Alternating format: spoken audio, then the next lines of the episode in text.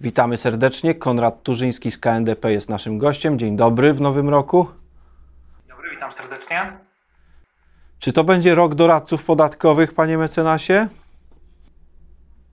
Tak, każdy rok ostatnio jest rokiem doradców podatkowych, e, ale jeśli pyta Pan o intensywność pracy, to będzie to na pewno praca mniej intensywna niż w zeszłym roku, no bo nie oszukujmy się, nowy ład rzecz, która na pewno zadała wszystkim dużo pracy. W tym roku tych zmian jest wyjątkowo mało. To nie znaczy, że ich nie ma, tak? Bo, bo to w naszym kraju niestety mało zmian oznacza to, że możemy je policzyć na palcach dwóch rąk e, i, to jest mało, mało zmian. A będziemy po nich bogatsi, czy nie zanosi się na to? Powiem panu, że w większości jakby są to zmiany takie doprecyzowujące i jakby one dramatycznie pewnie nie wpłyną na stan portfela większości osób. E, no oczywiście pewne grupy dostaną bardziej po kieszeni, czyli na przykład wynajmujący mieszkania, tak? Pewne grupy dostaną po kieszeni e, mniej, bo, bo te zmiany będą dość, dość symboliczne, na przykład podatnicy podatku estońskiego. E, niektóre grupy odczują nowe obowiązki, ale nic z tym się szczególnego nie będzie wiązać. Na przykład pracownicy, zleceniobiorcy, którzy będą musieli składać mm, deklarację PIT-2 obecnie. No właśnie. Mówię, zależy, zależy komu. Mhm. Zacznijmy zatem od tego PIT-2. Myślę, że to dotyczy bardzo wielu e, e, osób e, pracujących w formie tych umów o dzieło czy zlecenie. Co to za zmiana, z czym to się je i jak bardzo jest ważne? Zmiana tak naprawdę jest zmianą dość e, prostą. Do tej pory tego PITA 2 mm, musieli składać pracownicy. E, to było takie oświadczenie dla celów podatkowych, mm, z którego nasz pracodawca, nasz płatnik wiedział, jakie zaliczki nam pobierać, e, czy, czy zaliczki będą na przykład z uwzględnieniem dodatkowych kosztów uzyskania przychodów, czy też bez. Wszystkie te szczegółowe kwestie były regulowane, ale ten formularz nie dotyczył po prostu zleceniobiorców i, i osób pracujących na umowie o dzieło, co było w zasadzie dziwne, bo, bo nie było potem jakiegoś szczególnego uzasadnienia.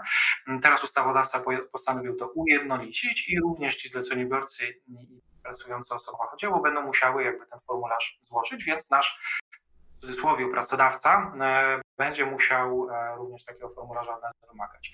Czym to się w praktyce może skończyć? Może się to skończyć tym, e, że nasze zaliczki pobierane w trakcie miesiąca, w trakcie, w trakcie roku co miesiąc, będą po prostu bardziej adekwatne do ostatecznego podatku, gdyż na tej podstawie pracodawca będzie wiedział, czy korzystamy właśnie z zwiększonych kosztów uzyskania przychodów, z zmniejszonych, z jakichś szczególnych ulg, zwolnień, więc konsekwencji nie będziemy mieli być może aż tak dużej nadpłaty w podatku e, PIT na koniec roku. Generalnie taki jest cel, tak, żeby ten, ten podatek po prostu pobierany w trakcie roku był jak najbardziej zbieżny z tym, co jest, co jest na koniec.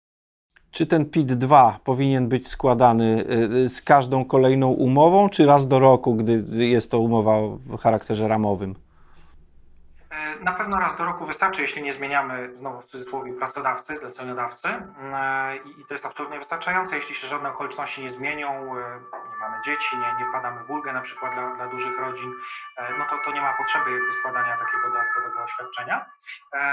I mówię, to będzie do zrobienia raz, w zasadzie w większości przypadków pewnie, pewnie o tym zapomnimy. Jeśli mamy kilku zleceniodawców, e, pracodawców, no to będziemy musieli u każdego z nich to oświadczenie złożyć, e, ponieważ ustawodawca przewidział jakby na przykład e, to, że jeden pracodawca będzie, miał, będzie nam potrącał część kwoty wolnej, drugi pracodawca część kwoty wolnej. My sami możemy o tym zadecydować, jak to będzie rozłożone.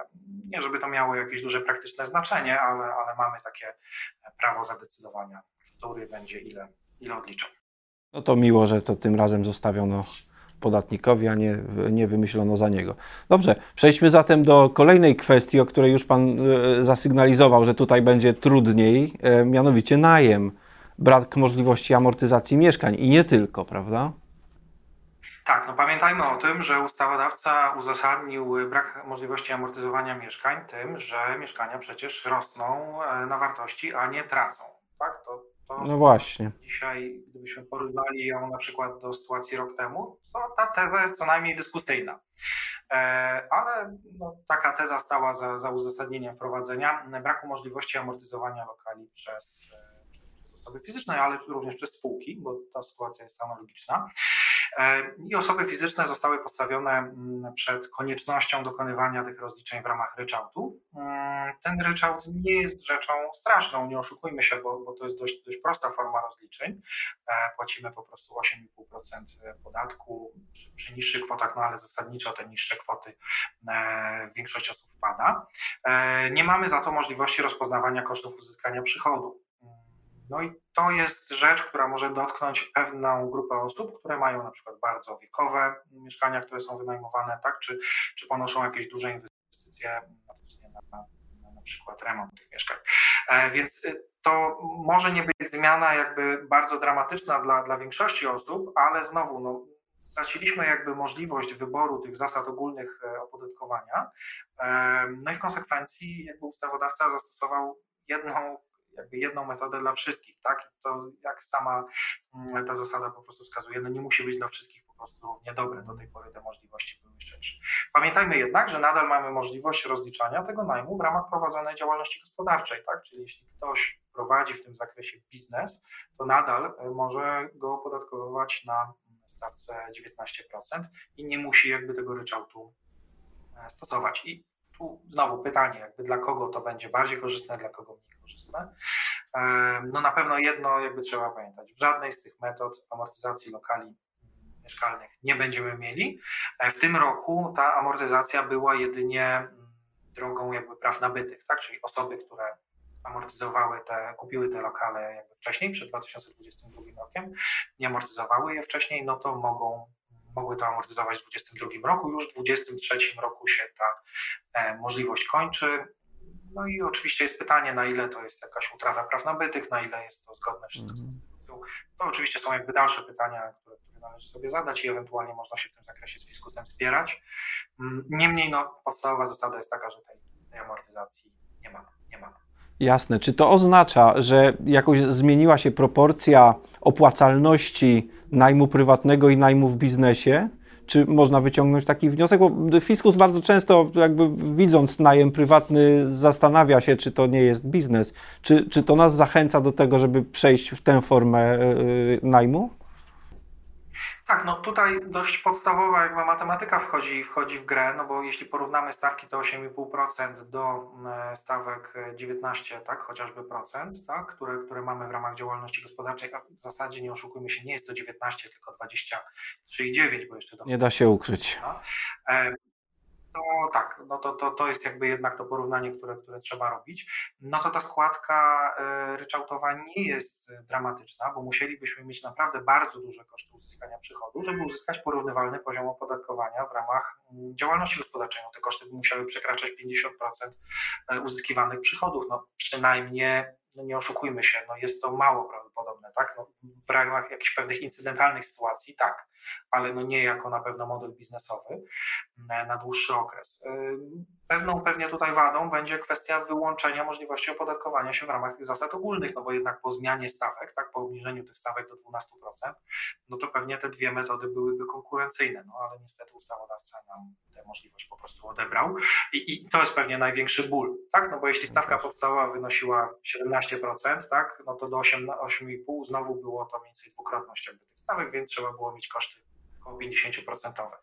No przy 12% ta proporcja się robi dużo bardziej korzystna, no ale to są tylko teoretyczne rozważania. nie mamy możliwości skorzystania z tych zasad ogólnych i tyle tak ustawodawca powiedział. Koniec, kropka.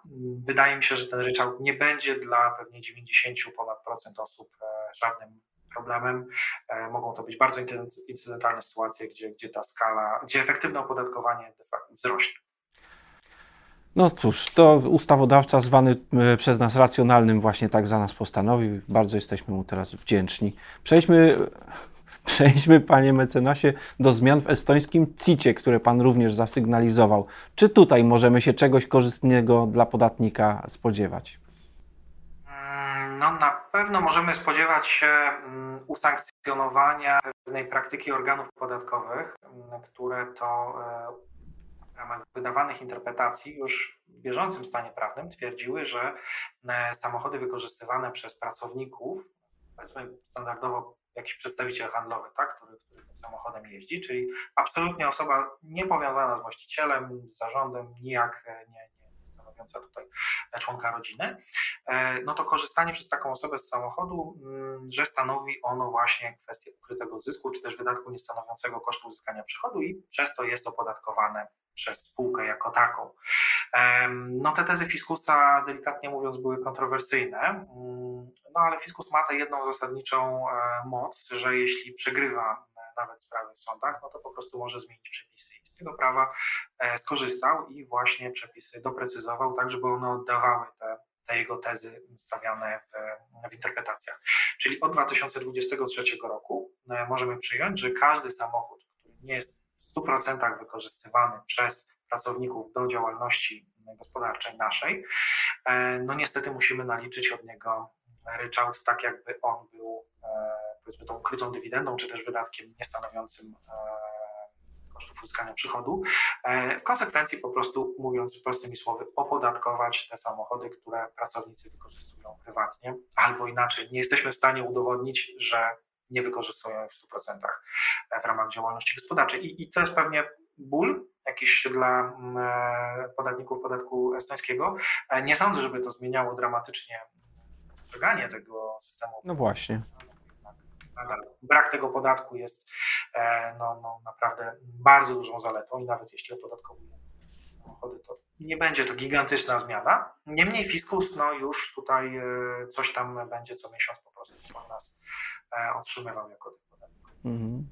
I, I to jest na pewno rzecz, którą po prostu trzeba wziąć pod uwagę, bo większość podatników jakby z tymi tezami fiskusa się obecnie nie zgadzała, no teraz się po prostu już zgadzać muszą, bo się przepis mhm takim sprytnym sposobem fiskus spowodował, że wszyscy się muszą z nim teraz zgodzić. Ostatnie trzy minuty musimy poświęcić na omówienie krótkie e, sytuacji cen transferowych i polskich spółek holdingowych. Czy to są duże zmiany, panie mecenasie?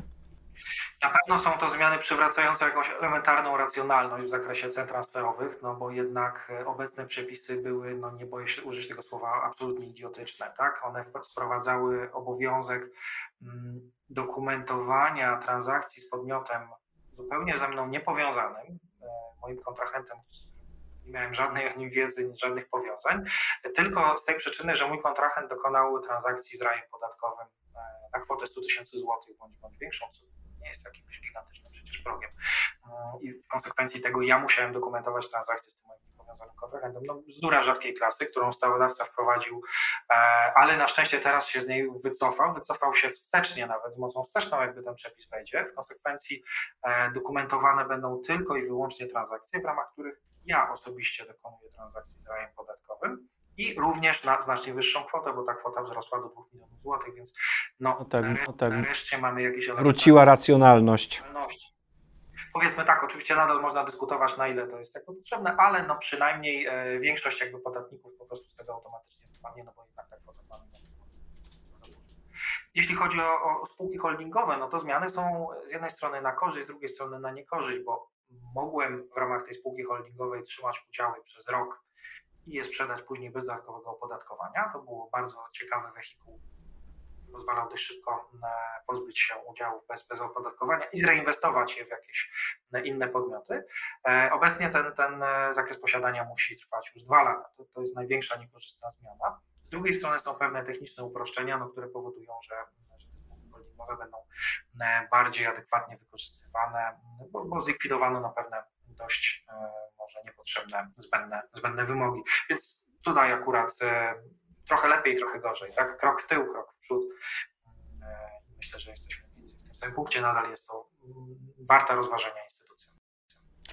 Dobrze o tym pamiętać. Bardzo dziękuję za ten szybki przegląd sytuacji na początek roku obyśmy na koniec roku spotkali się z myślą, że jednak się nie myliliśmy i że nie udało się na tym zbyt wiele stracić, a może jakoś utrzymać status quo. Wszystkiego dobrego. Dziękuję za rozmowę.